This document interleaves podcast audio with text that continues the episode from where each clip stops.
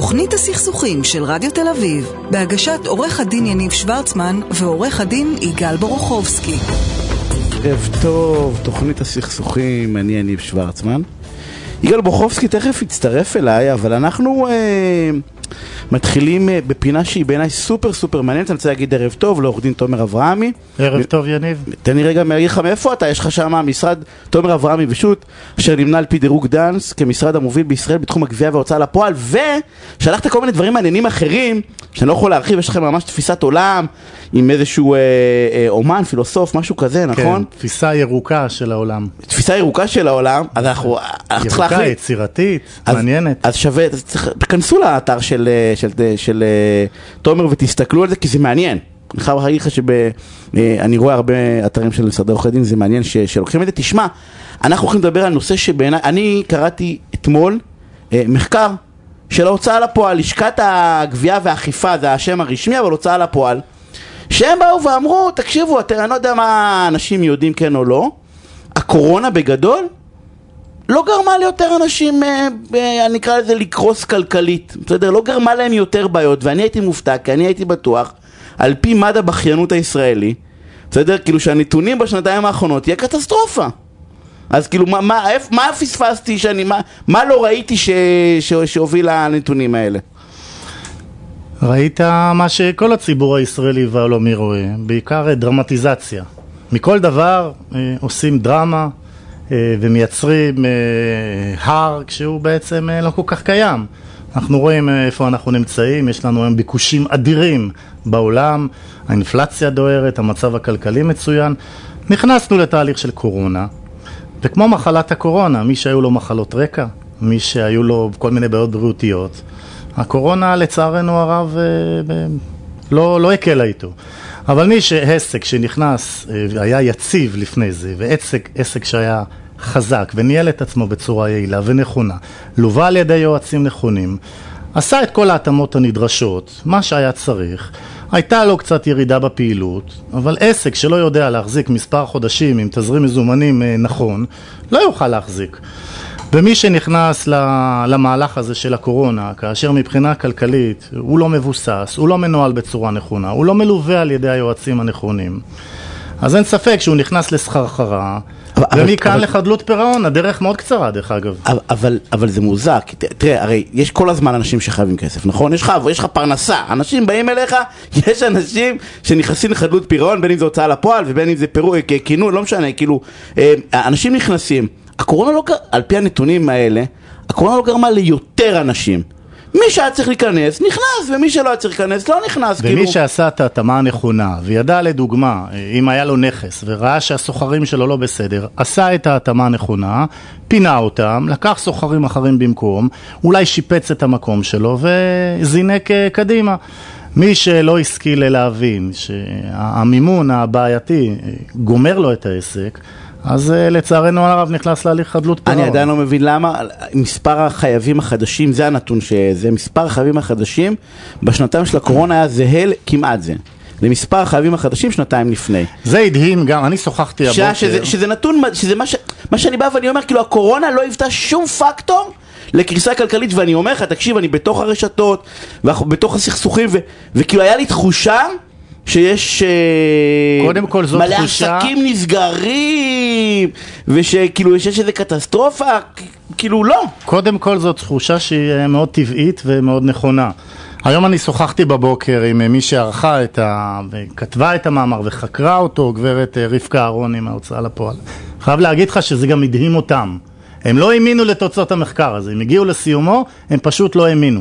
אבל מה שאנחנו למדים מהנושא זה קצת יותר כלכלה, אם נבין שאנחנו היינו אמורים להיות בדרמה הזאת, היינו אמורים להיות בקריסה הזאת, אבל ממשלת ישראל עשתה נכון כאשר הזרימה המון המון כסף, תשלומי העברה ותמיכה בכל העסקים הכושלים, זה הרים אותם מעל המים, זה אה, נתן להם את האפשרות אה, לשלם את, אה, את השכירויות לדוגמה, כל מיני תשלומים, הלוואות. מצד שני, מוסדות משמעותיים כמו בנקים, גופים ציבוריים, אה, אה, כבישי אגרות, אה, כל המוסדות המשמעותיים לא מיהרו כל כך מהר לפתוח תיקי הוצאה לפועל. לא מיהרו מאוד לאבד את הלקוחות שלהם, הם הבינו שהקורונה זה עניין זמני, טרנזיטורי, כמו שאומר נגיד הבנק האמריקאי, טרנזיטורי, זה כבר מזמן לא, ובסיכומו של דבר הם לא מיהרו לפתוח תיקי הוצאה לפועל.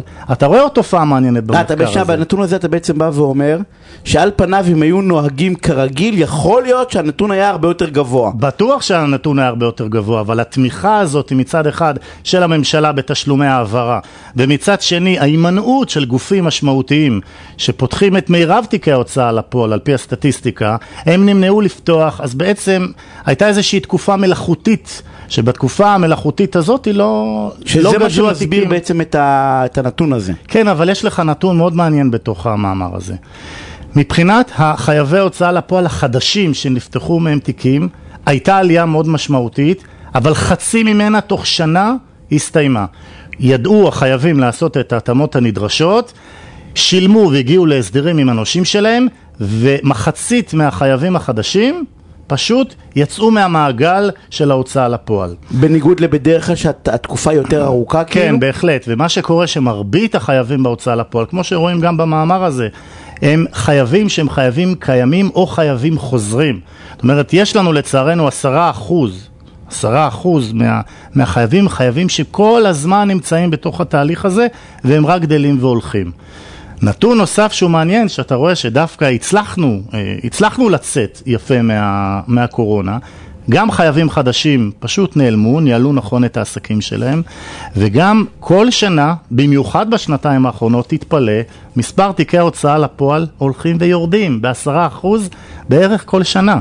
מה, בשנתיים האחרונות? גם בשנתיים האחרונות, אנחנו צריכים קורונה כדי להתנהל כלכלית נכון? תשים לב איזה, אפילו לשכות, לא, מעניין למה, יש לזה הסבר? בוודאי, מה ההסבר? אחד זה התשלומי העברה שממשלת ישראל עשתה. אוקיי, ואז עזרו בעצם אה, אה, לצמצם ואז את ה... אבל התהליכים שקרו מבחינה טכנולוגית, תראה, תראה את הבורסה בעולם. בתקופת הקורונה בחודש מרץ 2020 הייתה נפילה בבורסה של למעלה מ-25%. תוך פחות מחודש הבורסה טסה למעלה, עלתה בגלל תהליכים שהם תהליכים דיגיטליים, בגלל הטכנולוגיה. אנשים לקחו את עצמם, הבינו שיש צורך להתאמות, לשכות ההוצאה לפועל הפכו להיות הרבה יותר טכנולוגיים. אם לפני זה היינו צריכים לשלוח שליחים להוצאה לפועל, היום הכל טכנולוגי, הכל מקוון. כל מערכות המשפט, נט המשפט, כלים שלובים, כל מה שקשור לעולם הטכנולוגיה, מאוד הוא- מאוד הוא סייע. הואץ- הוא הואץ כאילו בשנ- בצורה בשנתיים האח- משמעותית. מה שאפשר היה לעשות בתהליכים בדרך כלל שהיה קורה תוך עשור, זה קרה תוך שנה, בכל העולם. אנשים גם הפעילו הרבה מאוד סחר מקוון, ראית את התהליכים באמזון, ראית בכל אתרי המסחר המקוון, אנשים הלכו ומצאו עבודה שם, והצליחו להכניס הכנסות גבוהות מאוד כתוצאה מהמסחר אז כאילו, המקוון אז הזה. הדרמה הייתה בעיקר דרמה. הדרמה לא הייתה היה- דרמה, לא- כמו כל דבר במדינת לא ישראל, שהיה- כל לא דבר לא היה לה דרמה. איזשהו עוגן כלכלי ממשי באירוע הזה, אלא כי בסוף הרוב המוחלט יסתדר. הרוב המוחלט הסתדר, ולא מעט בזכות הממשלה, ולא מעט בזכות שהנושים הגדולים הבינו שמדובר. במגה אירוע ותן נשימה. יש לנו עוד דקה ואני רוצה לשאול, אתה מייצג גם חייבים? אה, פחות. אה, אה, אבל אוקיי, אני בקיא בזה היטב. שנייה, נהדר. טיפים, גם אתה מייצג אה, אה, נושים, זה לא משנה. תן פה איזה שניים שלוש טיפים לאיך לא להיכנס לשם. תעשו את הדבר הנכון בזמן המהיר ביותר ולאורך זמן, ותנהלו אצל, את עצמכם בצורה מה זה נכונה. הדבר הנכון? הדבר הנכון, לא לתת יודע- לחובות, לא לתת לחובות ללכת ולתפוס תאוצה, לתפוס את הנושה, לדבר איתו בגובה העיניים, לבוא ולהגיד לו, הלו חבר, אני בבעיה, עבדנו הרבה שנים ביחד, עבדנו הרבה. והנושים מתייחסים לזה והנושים, בכבוד? תראה במאמר, מתייחסים ברצינות. כאשר אתה נושה ואתה רואה, אתה איש עסקים, ואתה רואה שבן אדם קשה לו, אתה בא אליו, אתה מסתכל עליו, ממש אה, עין מול עין, אומר לו קשה לי, תעזור לי. הנושה ייתן לך הזדמנות, אני מבטיח לך. רוב האנשים לא אכזריים כאלה שרוצים... רוב ל- הנושים נותנים הזדמנות. רוב הנושים אומרים, אם אתה מתאמץ לשלם את החובות שלך, אני הולך לעזור לך ולתת לך יד וכתף. אבל אם אתה מזלזל בי ופשוט מורח את זה, והזמן רץ לו ועובר לו, אז הוא רואה שאתה לא רציני. אז גם החוב גדל עם הריביות הגבוהות. בהוצאה לפועל, גם הוא כועס, הוא חושב שאתה מזלזל בו, הוא חושב שאתה אה, משפיל הטיפ- אותו. הטיפ המשמעותי הוא פשוט לא להתעלם. נכון. וכמי שמייצג נושים, רוב הנושים הם אנושיים, אתה אומר. רוב הנושים אנושיים, רוב הנושים רוצים לשמור על הלקוח שלהם, רוב הנושים רוצים להמשיך את מהלך העסקים עם הלקוח שלהם. עורך דין תומר אברבי, תודה רבה על הפינה הסופר מעניינת הזאתי. היה לי לעונג. אה, ויאללה, בא לי להגיד שהקורונה תחזור, אבל לא, שלא תחזור, שנהיה בסדר בלי קורונה. והכי חשוב הבריאות. הפסקת פרסומות וכבר חוזרים.